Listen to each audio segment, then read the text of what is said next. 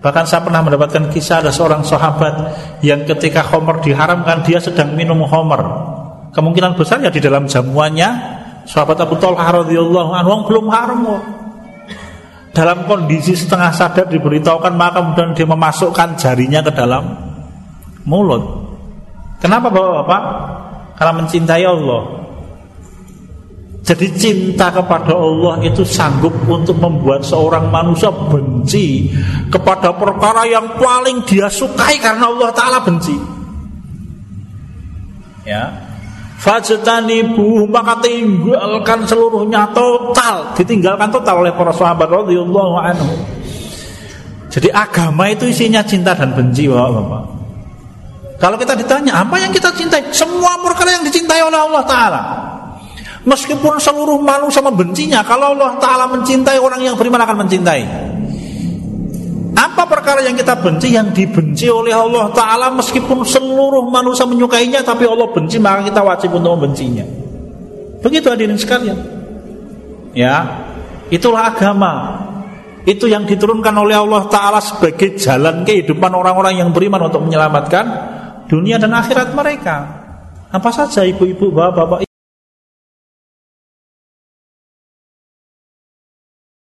Assalamualaikum warahmatullahi wabarakatuh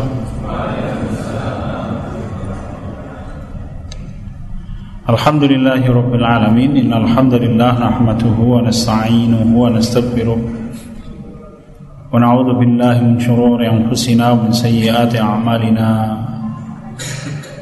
Man yahdihillahu fala mudilla lahu wa man yudlilhu fala hadiya lahu وأشهد أن لا إله إلا الله وحده لا شريك له وأشهد أن محمدا عبده ورسوله الذي لا نبي ولا رسول بعده.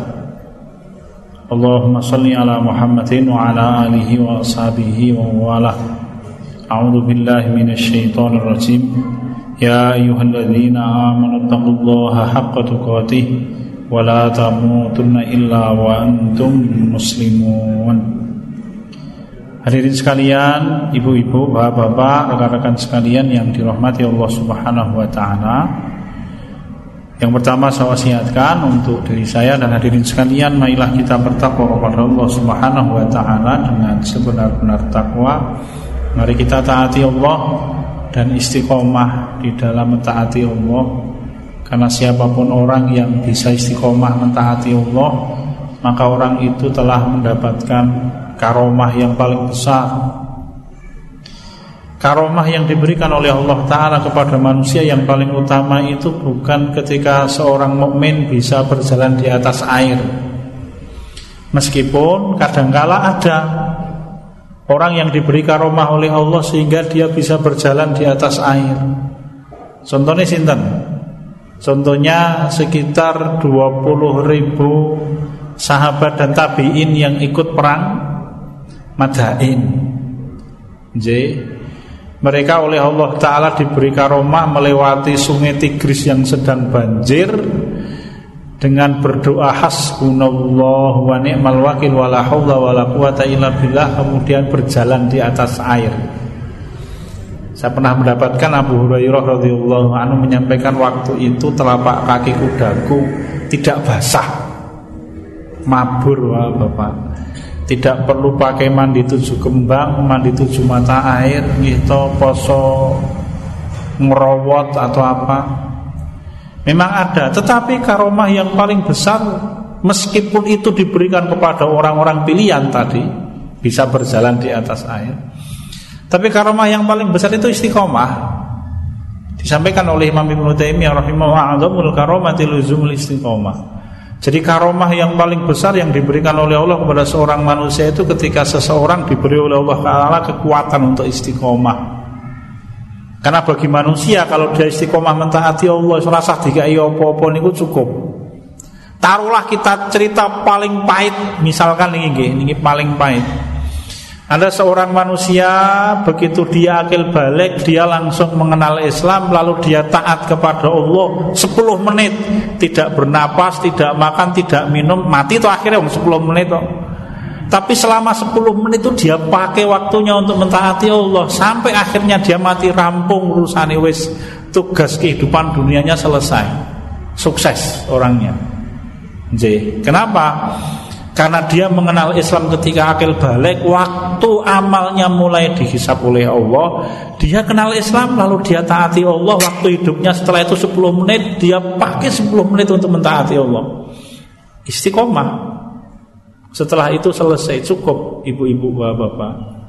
Pramila monggo kula panjenengan sami jangan pernah lupa untuk selalu berdoa memohon kepada Allah kekuatan keteguhan di dalam mentaati Allah. Ini doa yang kata Ummul Mukminin Ummu Salamah radhiyallahu anha adalah doa yang termasuk paling banyak dibaca oleh kanjeng Nabi kita Muhammad SAW adalah mohon kepada Allah keteguhan. Ummu Mukminin Ummu Salamah radhiyallahu anha menyampaikan kana Rasulullah sallallahu alaihi wasallam ya yakthir ya Rasul itu memperbanyak yaqulu ya muqallibal qulub sabbit qalbi ala dinik. J Aku beliau menyampaikan Rasul kita memperbanyak doa ya muqallibal qulub wahai Allah yang membolak-balikkan hati teguhkanlah hatiku di dalam mentaati agamamu mentaati dinik jalan kehidupan yang kau ciptakan. Wahai Allah apa itu Ibu-ibu, bapak-bapak dinasatani Allah yakum Salah satu penumpang kuatnya keimanan manusia itu cinta yang kita bicarakan ini. Jadi salah satu hal yang menyebabkan seorang muslim itu istiqomah mentaati Allah adalah mencintai Allah Subhanahu wa taala.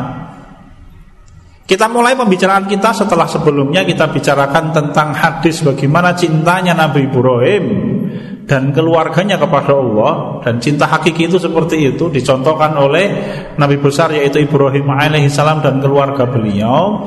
Kemudian kita akan bicarakan bahwa memang penopang ibadah itu cinta dan benci karena Allah Ta'ala Sebagian materinya pernah kita bicarakan, sebagian besar belum kita bicarakan pertemuannya tidak hanya sekali ya. sekali lagi kalau ini kalau sampun matur bahwa pembicaraan kita ini nanti agak panjang mungkin 3, 4, 5, 6 kali pertemuan baru akan selesai materinya kita dasarkan atas satu hadis yang disohhkan oleh Imam Al-Hakim Kanjeng Nabi kita Muhammad sallallahu alaihi wasallam ngendika asyirku akhfa min dad min dabi bidzurri ala sofa Syirik itu ada yang keburukannya lebih lembut dan lebih tersembunyi dari biji yang diletakkan di atas batu. Filailati zulma di tengah malam yang gelap gulita.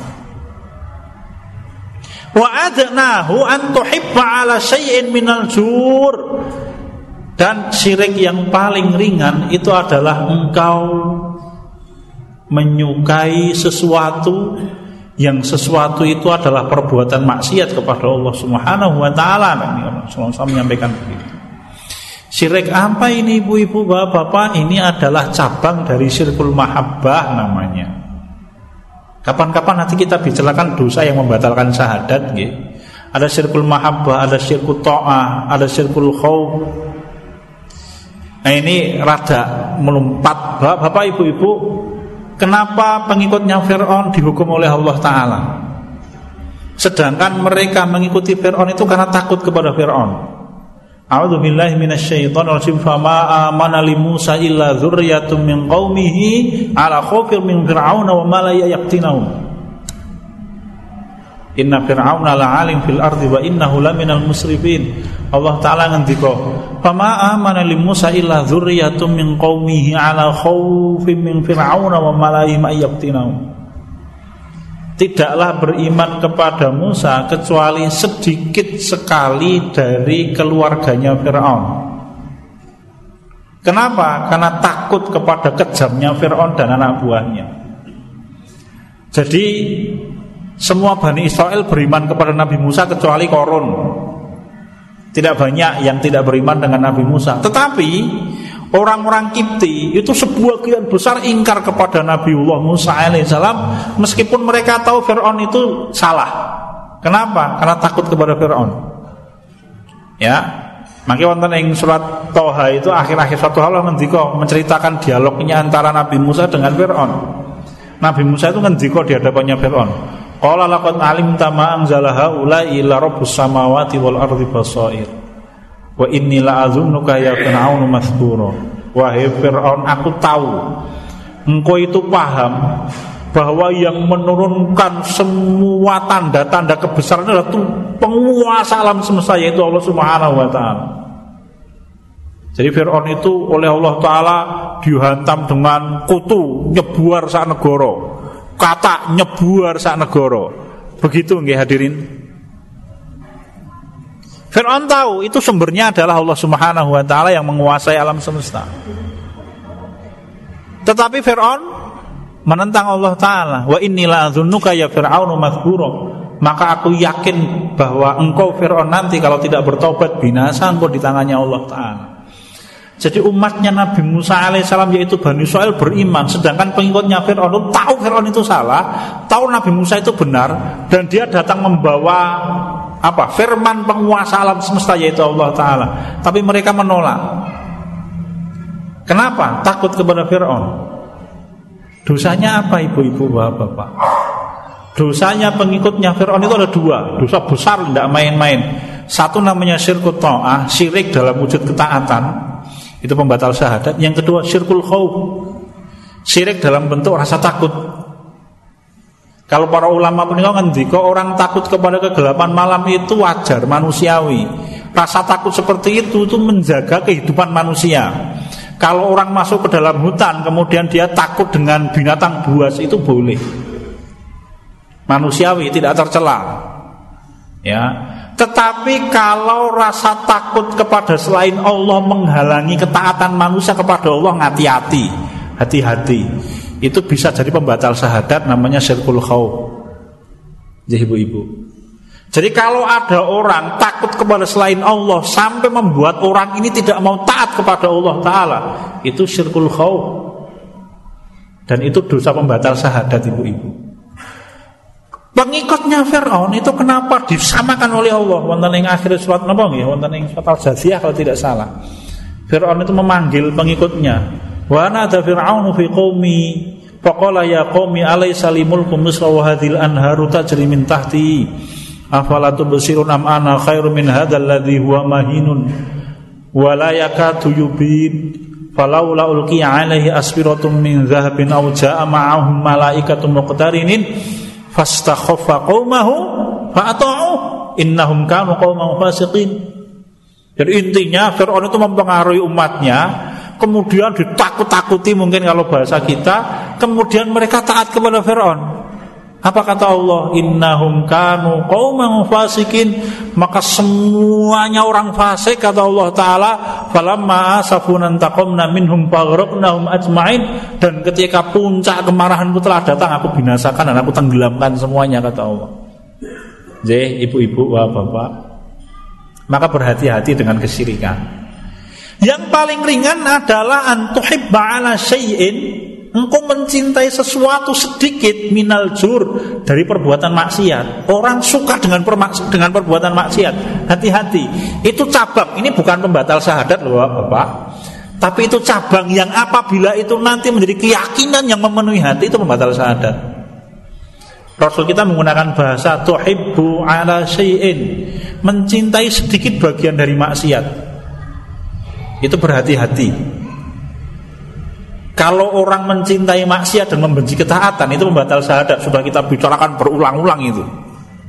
Jadi, wong kok sengit karo salat, sengit karo munggah kaji, munggah kaji boros kan. Kok baik pindah neng Jogja misalkan itu. Berhati-hati itu pembatal syahadat. Kita akan bicarakan berulang-ulang gitu Bapak. Surat Muhammad ayat 8 dan 9 surat Muhammad ayat ke-25, 26, 27, 28 panjangan baca. Ya. Wa tabghadu ala syai'in minal adli dan engkau membenci bagian kecil dari keadilan kebaikan yang diajarkan oleh Islam. Berhati-hati. Lajeng Nabi Muhammad bertanya, tidak perlu dijawab. Wahaliddin ilal hub wal bughd dan bukankah Islam itu isinya hanya cinta dan benci kata Nabi Muhammad SAW. Jadi ajaran Islam itu isinya adalah cinta atau benci. Kita cinta dengan apa? Dengan semua perkara yang dicintai oleh Allah Subhanahu wa taala. Lalu kita taati, lalu kita patuh, lalu kita junjung tinggi, kita letakkan kehormatannya di atas kepala kita kemudian kita membenci semua perkara yang dibenci oleh Allah, kemudian kita jauhi, kemudian kita tinggalkan, kemudian kita tidak pernah berhubungan sedikit pun dengan perkara-perkara yang dibenci oleh Allah, meskipun perkara itu mendatangkan banyak sekali keuntungan. Bapak-bapak, ibu-ibu, para sahabat radhiyallahu anhum itu ketika Allah taala menetapkan Fir'aun Fir'aun khomer haram secara total, prosesnya tiga kali nggih. Pertama Allah hanya menyampaikan tentang manfaat dan marah bahayanya Dan marah bahayanya lebih besar daripada manfaatnya yas'aluna kanil khamri wal maisir kul fihi ma ismun kabiru wa manafi'u linnas wa ismuhum akbaru min naf'ihima. Setelah itu turun ayat yang lain mengharamkan orang-orang mukmin untuk mabuk sebelum sholat tapi belum haram waktu itu. Ya ayyuhalladzina amanu la taqrabus wa antum sukaro. Yang ketiga Allah mengharamkan total. Innamal khamru wal maisiru wal ansab wal azlamu rijsum min amali syaitan. Fajtanibu. Bapak-bapak, ibu-ibu, pada waktu ayat yang ketiga ini akhirnya Allah Ta'ala turunkan haramnya khomer secara total Itu masih ada para sahabat yang jualan khomer Ada sahabat yang sedang pesta minum khomer Bahkan siapa yang menyampaikan? Sahabat Anas bin Malik radhiyallahu anhu. Ingat waktu itu khamr belum haram. Jadi sahabat Anas bin Malik radhiyallahu anhu panjenengan bika tafsir ayat tadi itu innamal khamru wal maisiru wal ansab wal azlam rijsun min amali syaitan. Anas bin Malik radhiyallahu anhu, anak kecil beliau, pembantunya kanjeng Nabi Muhammad. Ya kan? Jadi Anas bin Malik radhiyallahu anhu menceritakan ketika ayat itu turun, kami sedang menghadiri jamuan makan yang diadakan oleh Abu Talhah radhiyallahu anhu, seorang sahabat yang terkenal dengan dermawannya. Sampai kemudian menjadi asbabun nuzul dermawannya beliau itu suat al-hasr. Ya, wa yu'siruna ala anfusihim walau kana bim itu kisahnya Abu Talhah. Pada waktu itu belum mengadakan acara jamuan makan mengundang para sahabat dan minumannya homer. Ingat waktu itu homer belum haram. Nggih tumbuh cap jikia apa cap apa jenenge kuwi ya sembuh lah. Nggih to disebutke mereke. Nggih Pak Bapak. Cap jikiai apa jenenge dadu e nyun ngapunten nggih bukan. Nggih Pak Bapak. Jadi Wah sembuh pokoknya semuanya berkumpul dan minum homer. Anas bin Malik bahkan mengatakan ketika itu aku tengah menuangkan homer di gelas. Para sahabat ingat waktu itu homer belum haram. Bapak-bapak, ibu-ibu, begitu ada seorang sahabat yang diberitahukan turun ayat itu lalu mendatangi mereka, maka semuanya gage-gage menumpahkan homernya Sampai disebutkan waktu itu di dalam salah satu kitab tareh Waktu itu disebutkan sampai parit-parit di kota Madinah itu penuh dengan Homer. Bahkan saya pernah mendapatkan kisah ada seorang sahabat Yang ketika Homer diharamkan dia sedang minum Homer. Kemungkinan besar ya di dalam jamuannya Sahabat Abu Talha radhiyallahu anhu belum haram kok. Dalam kondisi setengah sadar diberitahukan maka kemudian dia memasukkan jarinya ke dalam mulut Kenapa Bapak-bapak? Karena mencintai Allah.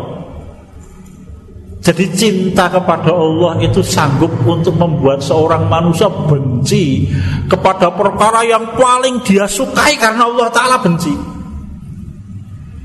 Ya, Fajtanibu maka tinggalkan seluruhnya total, ditinggalkan total oleh para sahabat radhiyallahu. Jadi agama itu isinya cinta dan benci, Bapak-bapak. Kalau kita ditanya apa yang kita cintai, semua perkara yang dicintai oleh Allah Taala.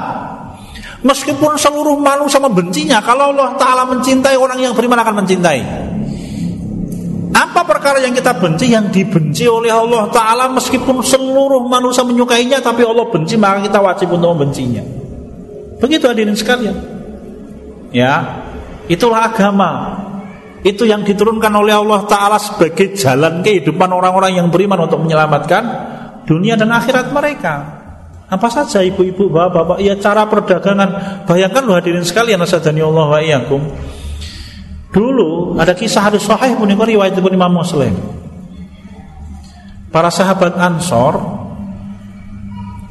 pada waktu Rasul kita Muhammad SAW datang ke Madinah, itu mereka pekerjaannya adalah petani kurma. J.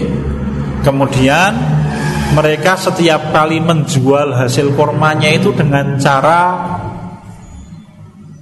napa jenenge? Nek awake dhewe.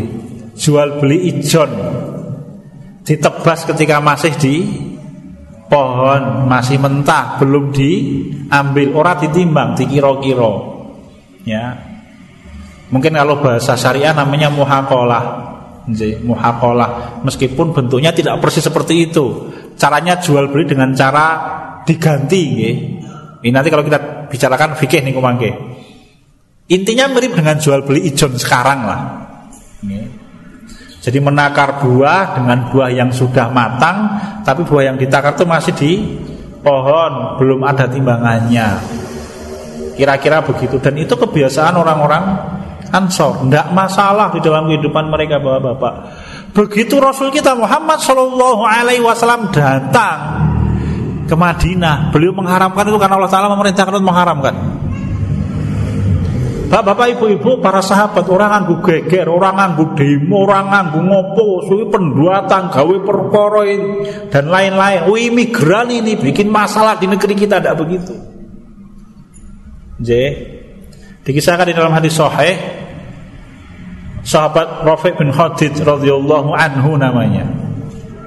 Belum menyampaikan jaa rajulun min umumati Suatu hari kata beliau datang seorang laki-laki, mungkin kalau bahasa kita kalangan kami, bisa juga dimaknai anaknya paman kami. Mendekati kami. Kemudian laki itu tiba-tiba mengatakan nahana Rasulullah sallallahu alaihi wasallam an sayyid an faulan oh bahasane ngeten iki lho Bapak. Jadi pas para sahabat Ansor ngelumpuk, mungkin ngelumpuk di tengah-tengah kebun kurma mereka. Jadi kalau dikatakan kebun kurma itu sahabat Tolha bin Ubaidillah pendapatannya satu hari seribu dinar. Dua setengah miliar, Anda bisa bayangkan itu Seluas apa kebun kurmanya satu orang saja Jadi memang para sahabat dulu begitu Bapak kebun kurma Barokah betul Jadi mungkin kira-kira pas mereka duduk-duduk di tengah pohon kurma datang seorang lagi yang mengatakan hari ini Rasul melarang kita melakukan perbuatan anfaulana sing paling manfaati. Wes bahasanya Bapak Ibu Ibu. Itu bahasanya sahabat Rafi bin Hadir radhiyallahu menceritakan. Nahana Rasulullah SAW an sayyin anfaulana. Rasul saat ini melarang kita untuk mengerjakan perbuatan yang paling bermanfaat untuk kita. Wes, terus pundi Pak Bapak? Ini terkait dengan penghidupan, terkait dengan perut itu. Ya. Apa kata Rafi' bin Hadij radhiyallahu anhu? Fawajadna anna tawa'iyallahi wa rasuli anfa'ulana dan kami mendapatkan bahwa ketaatan patuh kepada Allah dan Rasulnya jauh lebih bermanfaat. Apa makna hadis ini? Para sahabat radhiyallahu anhum itu begitu diharamkan muhakalah tadi itu, es jual beli ijon, itu langsung pet, hari itu pula mereka semuanya meninggalkan cara itu. Jadi Bapak, Itulah para sahabat. Kenapa? Karena mencintai Allah Taala dan Rasulnya. Hidupnya berkah. Jadi barokah diganti dengan sesuatu yang jauh lebih besar. Memang keimanan begitu ibu-ibu bapak-bapak. Kalau tidak memiliki itu, orang akan susah mentaati Allah. Menawi kula matur beberapa kali bahwa seseorang itu kalau tidak mencintai Allah taala, maka mentaati Allah itu yang diling-iling susah ya mesti. Paite. Mbok rasa aneh-aneh to lewes dadi wong sami biasa-biasa wae. Sing penting ki iso nyambut gawe, pekerjaannya lancar wis cukup bawa dhewe iki Bapak Bapak Ibu duniawi banget hitungane Bayangkan yang terjadi atas diri para sahabat Ansor itu kehidupan mereka loh, penghidupan mereka loh, Bapak, kerja mereka ini. Dan para sahabat Ansor mentaati Rasul totalitas. Ya, memang keimanan itu begitu. Ibu-ibu, Bapak. Perkara yang paling mereka cintai karena paling bermanfaat untuk mereka begitu diharamkan wis ditinggal. Ya, tanpa harus menangis, tanpa harus bersedih, mereka sanggup meninggalkan perkara yang paling mereka cintai Kota Mekah, sahabat muhajir itu. Bapak-bapak Ketika Rasul kita memerintahkan hijau Semuanya hijau. Tertinggalnya tiga atau delapan orang yang ngeyel Ada yang menyebutkan delapan Ada yang mengatakan tiga Jadi Yang lain para sahabat Mereka tinggalkan negeri yang paling mereka cintai Yaitu kota Makkah Bapak-bapak Para sahabat itu Saking cintanya kepada Makkah itu sampai Bilal bin Rabah itu baru tinggal beberapa hari di Madinah pun demam loh beliau Bapak. Bilal bin Rabah radhiyallahu anhu itu demamnya mengigunya itu mengigu tentang kota Mekah.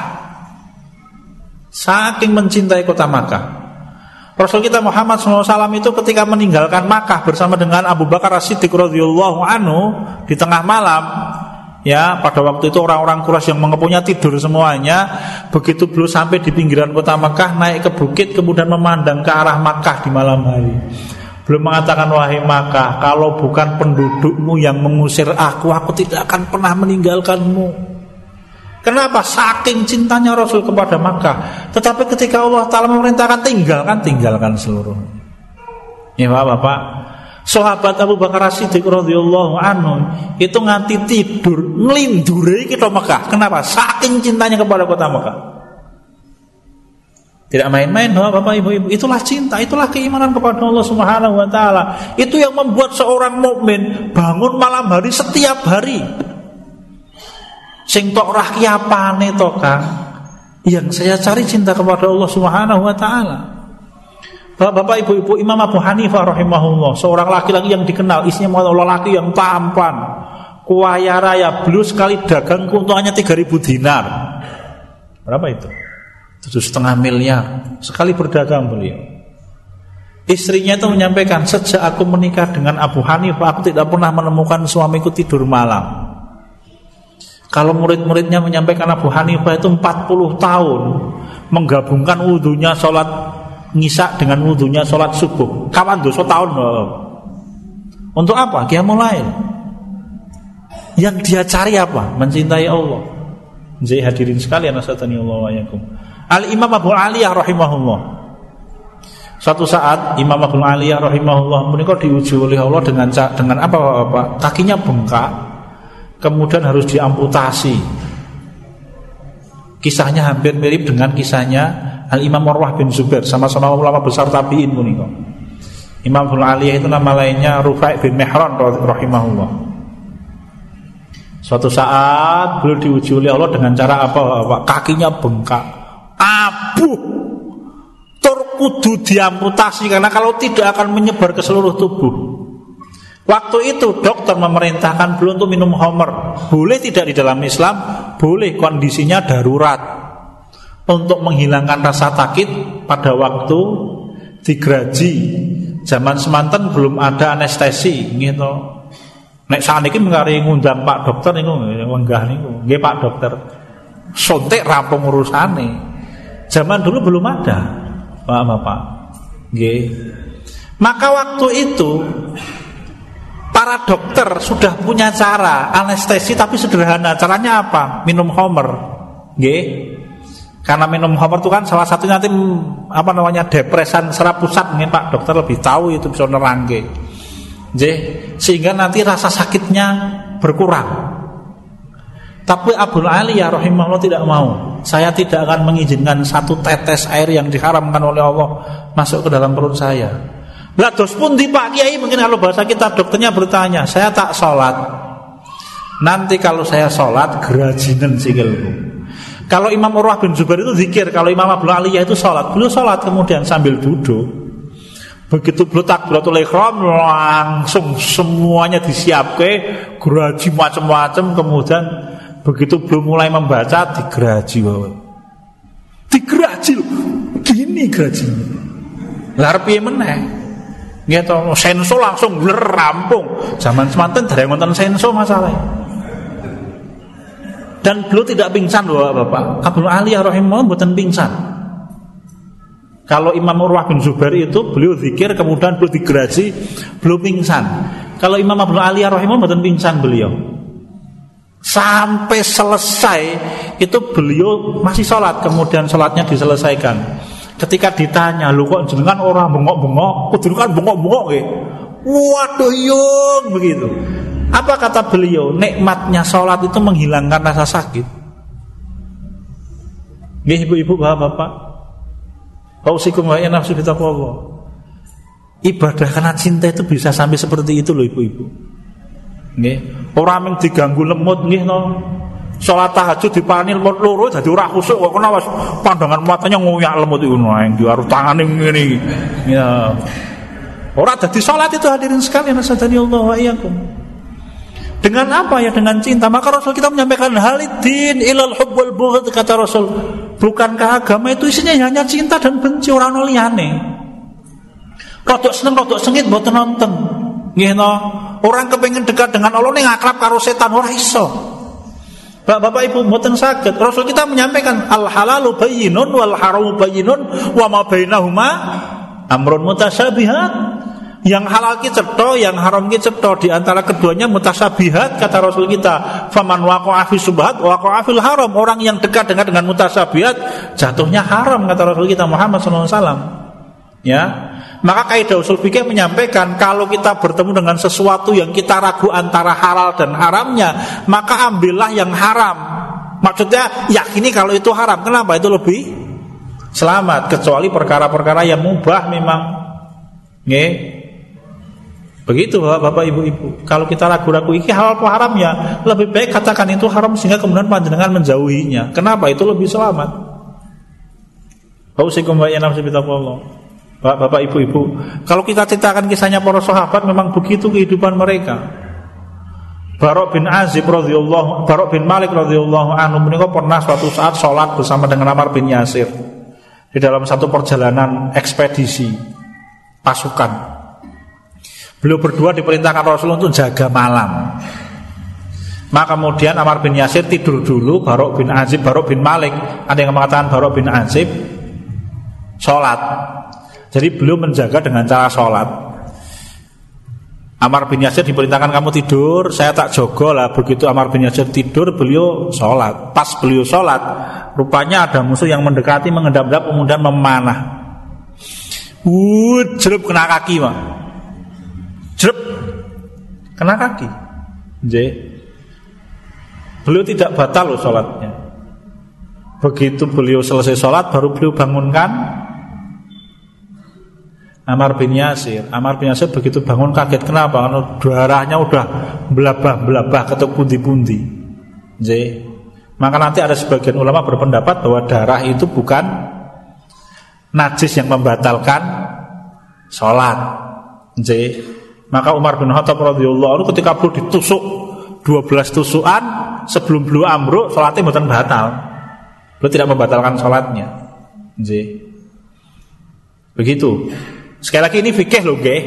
Fikih itu ada ulama yang mengatakan najis, ada yang mengatakan tidak najis nggih. Fikih ngoten niku, Bapak. Maka kita berlapang dada kalau tahu perbedaan dalam urusan fikih. Tenter mati niku mangke. Kembali ke dalam pembicaraan. Nah kemudian Amar bin Yasir menyampaikan wahai Abu, wahai Ab, uh, wahai Barok, kenapa tidak membangunkan aku? Belum menjawab nikmatnya sholat itu iman-iman nek saya putus karena kena panah. Kayak piye nikmatan ibu-ibu? Ya. Hausikum wa yanam Allah. Imam Ibnul Qayyim al-Jauziyah rahimahullah menyampaikan itu nasihat beliau. Ad-dinu dinani agama Islam itu mengandung dua unsur. Satu dinun syar'iyyun amriyun. Satu bagian Islam yang wujudnya adalah aturan-aturan syariat-syariat, perintah-perintah, larangan-larangan. Itu bagian pertama. Yang kedua wadinun hisabiyun jazai. Bagian yang kedua adalah ganjaran. Hisab, keyakinan akan pahala yang didapatkan bagi orang yang taat, keyakinan akan hukuman yang akan ditimpakan kepada orang-orang yang bermaksiat kepada Allah.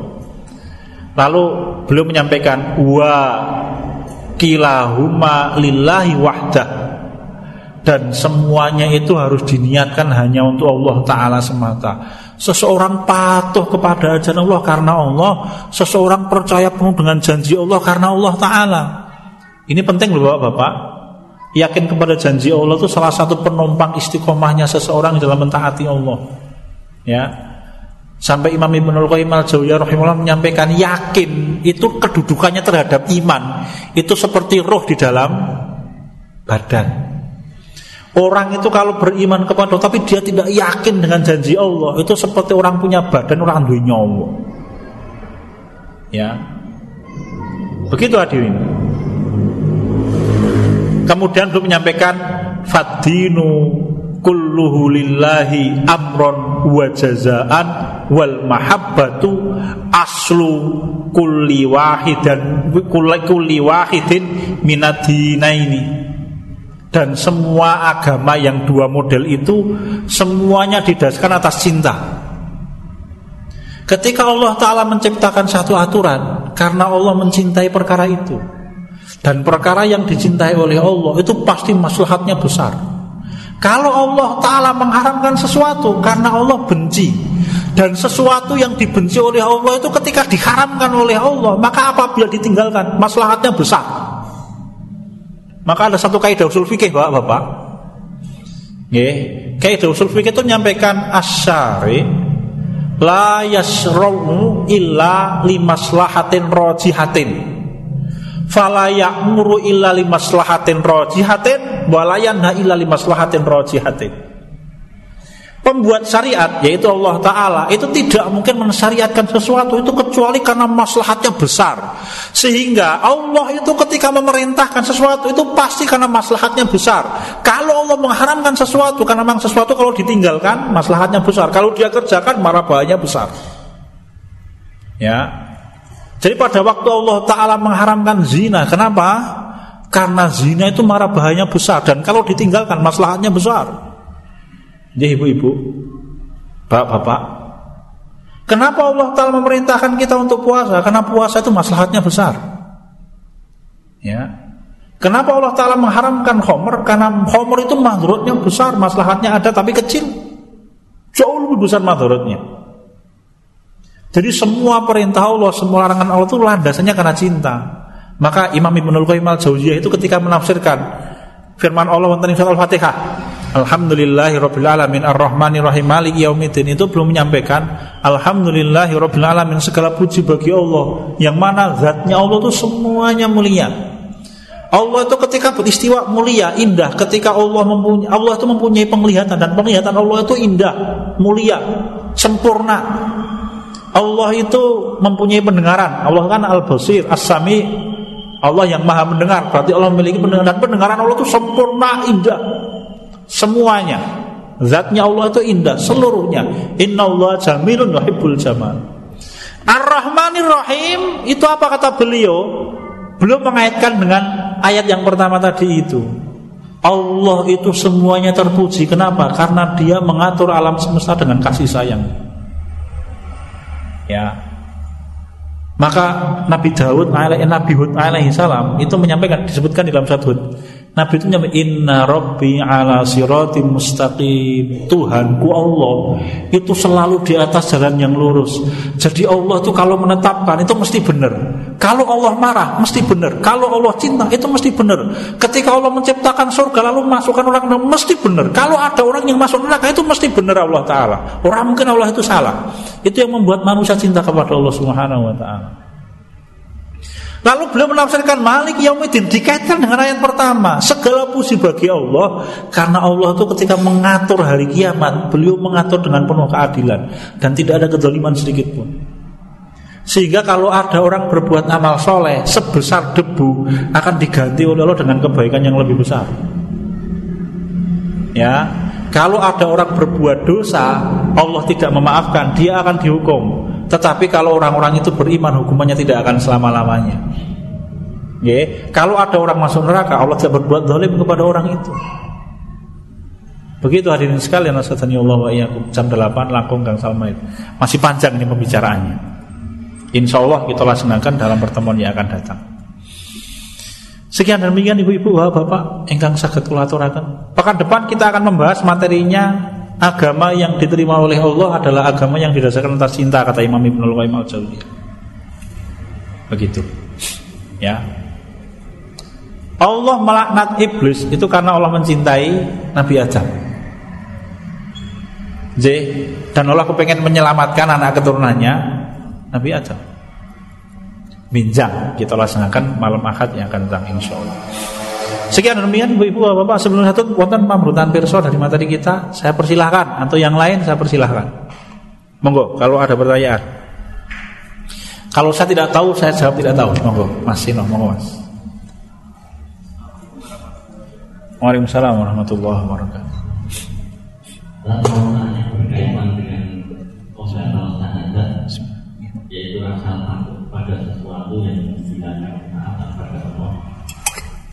Kalau pengikut Fir'aun jelas takut pada Fir'aun karena kejahatannya. Yeah. Tapi apakah apabila takut itu eh, bukan takut pada kekejaman orang, tapi takut di tidak mendukung penguasa takut dibilang anti Pancasila takut dibilang tidak NKRI Yeah. Kemudian tidak justru merugikan agamanya misalnya membuka pengajian Yeah. tapi justru eh, mendukung agama lain itu dengan itu perayaan atau menjaga pada perayaan-perayaan agama Yeah. apakah itu termasuk juga bisa membatalkan kemudian juga bagaimana cara mengembalikan apabila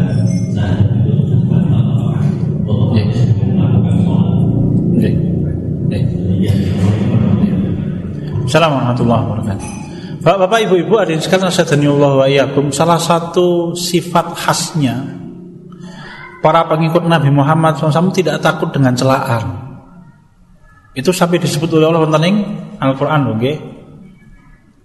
Jadi Allah Taala menyampaikan a'udzubillahi minasyaitonirrajim ya ayyuhalladzina amanu may yartadda minkum an dinihi fasawfa ya'tillahu biqaum yuhibbuhum wa yuhibbunah adzillatin 'alal mu'minin 'izzatin 'alal kafirin yujahiduna fi sabilillahi wa la yakhafuna laumatal laim wonten ing surat Maidah ayat 54 nggih Wahai orang-orang yang beriman, kalau di antara kalian sudah ada yang meninggalkan agama Allah, maka Allah akan mendatangkan suatu kaum Allah mencintai mereka dan mereka mencintai Allah. Ya. Azillatin 'alal mu'minin, mereka bersikap lemah lembut kepada orang-orang mukmin. Aizzatin 'alal kafirin, mereka bersikap tegas kepada orang-orang kafir. Yujahiduna fi sabilillah, mereka berjuang di jalan Allah, berjihad di jalan Allah. Wala yakhafuna dan mereka tidak takut dengan celaan orang-orang yang mencela. Kenapa lah kok jangankan kita Allah itu dicela Disalahke Oleh siapa? Oleh iblis bayangkan Iblis itu ketika diperintahkan untuk sujud kepada Allah Berani eh kepada Nabi Adam Berani jawab Ya Kenapa engkau tidak mau sujud? Iblis berani bilang Aku lebih baik daripada dia wahai Allah Maknanya bagaimana? Perintahnya Allah agar iblis sujud kepada Nabi Adam itu menurut iblis salah. Oke, bayangkan niki Allah lho Bapak. Ya. Manane pun memang ciri khas orang mukmin ya harusnya dia berani menanggung semua celaan. Pertanyaannya kemudian, apakah kalau orang takut dengan celaannya orang-orang yang mencela itu bisa membatalkan syahadat? Tidak, tapi itu penyakit hati yang berbahaya. Kalau itu dibiarkan itu bisa meruntuhkan keimanan. Bisakah? Bisa. Ngapa? Wonten ing kitab sirah yang ditulis oleh Syekh Sofiur Rahman Mubarak Puri judulnya Rohikum Mahtum namanya. Sudah ada terjemahannya, panjangan bika nanti dalam episode awal-awal dakwah jahriyahnya kanjeng Nabi Muhammad SAW. Jadi pada waktu Rasul kita berdakwah terang-terangan selama beberapa bulan itu orang-orang kafir Quraisy kelompok lalu membuat cara bagaimana menghentikan dakwahnya kanjeng Nabi Muhammad SAW yang dikerjakan apa? Salah satunya adalah mencaci maki Rasul, mencaci maki para sahabat dan mencaci maki ajaran Islam. Syekh Sofi Rahman Mubarak pun menyampaikan, kenapa kok orang-orang Quraisy itu mencaci maki Rasul dan para sahabatnya untuk menjauhkan, menjatuhkan mental mereka. Jadi orang itu benar, menek pendak dino diunek ke, dia akhirnya akan bertanya, sakjane aku ini bener apa ora to yo? Iya Bapak. Kenapa? Karena memang itu niatnya untuk menjatuhkan mental. Kalau orang itu sudah jatuh mentalnya, sangat mungkin dia berubah dari keyakinan yang benar. Z, ibu-ibu, bapak-bapak. Memang kadang-kala kita harus berani, berani melakukan apa? Berani melakukan celaan. Ya, misalkan kalau saya pernah bapak-bapak nggih zaman enom ya. Zaman sebelum saya nikah. Rumah saya, saya tinggal bersama dengan kakak, bersama dengan ibu, bapak. Omain yang pojok desa. Kalau pergi ke masjid masih ketok, Ya, jadi karena kenapa jalan kaki dari ujung desa menuju masjid, jalan kaki Bapak-bapak. Setiap kali sholat dikomentari rawang, Mas jenengan ki melu Islam jamaah nggih Mas. Diadang neng dalan Bapak-bapak. Jenengan melu Islam jamaah lah, ditanya lah. Kenapa kok begitu lah? Jenengan tuh gaweane jamaah neng masjid kok. Ngoten niku. Ya Bapak. Itu zaman cahnom loh Pak. Pertanyaan sederhana membuat kita galau itu Bapak. Tenanan. Z.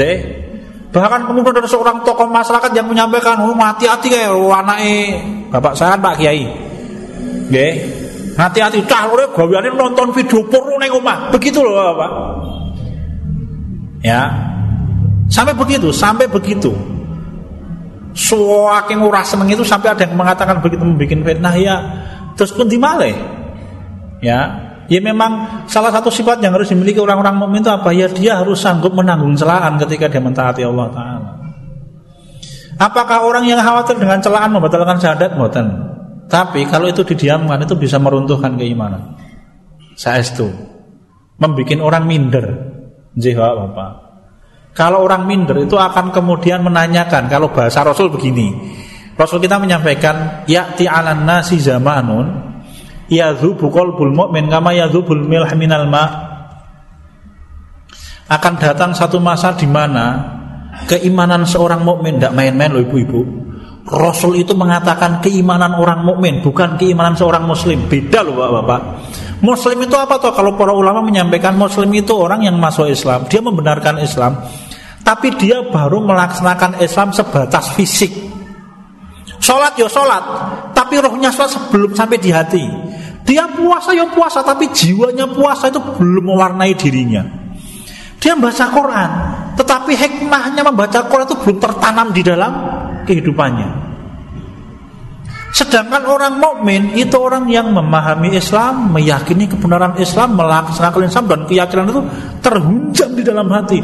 Rasul kita ngendiko akan datang suatu masa di mana keimanannya orang mukmin itu hilang mencair seperti cairnya garam yang dimasukkan ke dalam air.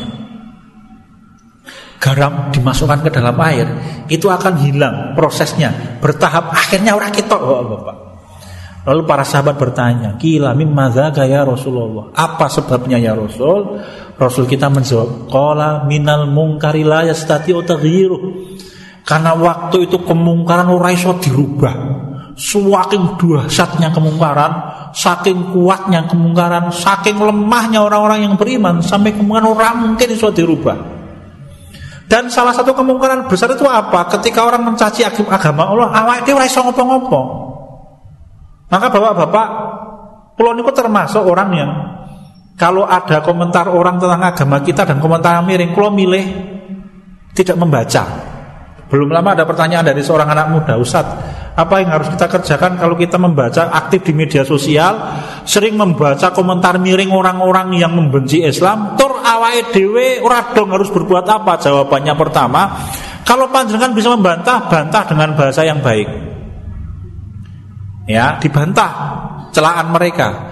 Tapi kalau panjenengan tidak bisa membantah, pilihannya jangan dibaca celaan itu. Kenapa? Karena celaan itu kalau dibaca akan menyakitkan hati. Kalau setiap hari kita merasakan sakit gara-gara Islam, itu suatu saat muncul, muncul pertanyaan, sakjane Gusti Allah ki ana apa Kenapa kok agamanya Allah dihinakan dan dia seakan-akan diam saja? Ya, itu akan bisa meruntuhkan yakin loh, Bapak. Ya, ke Allah itu betul tidak dengan janjinya? Katanya Islam itu agama yang mulia. Tapi kenapa dia dihinakan oleh manusia? Tidak ada apa-apanya. Dan tidak bisa berbuat apa-apa. Maka mendingan kalau tidak bisa menjawab Jangan dibaca komentar yang menghinakan. Kenapa? Itu akan meruntuhkan mental betul loh Pak? Ya. Pausikum wa nafsi Allah Ngaten nggih Mas Sino Ngatos-atos Bagaimana kalau kita ya hari ini mari kita minta kepada Allah kekuatan hati. Agar kita menjadi orang yang ketika mentaati Allah celaan seperti apa pun tidak membuat kita minggring-minggring terhadap kebenaran Islam. Allah a'lam Ada pertanyaan yang lain? Cekap. Cekap. Menikah yang saya dua tolakan insya Allah kita laksanakan pekan yang akan datang. Kita masih membahas tentang cinta kepada Allah. Pekan depan akan kita bahas ini agama yang diterima oleh Allah adalah agama yang didasarkan atas cinta dan ridho. Insya Allah pertemuan yang akan datang. Alhamdulillahirobbilalamin. Kita cukupkan kalau ada perkataan yang tidak berkenan saya mohon maaf sebesar-besarnya. Subhanallah wa bihamdika asyhadu an la ilaha illa anta astaghfiruka wa atubu ilaik. Wa akhiru ta'wana alhamdulillahi rabbil alamin. Assalamualaikum warahmatullahi wabarakatuh.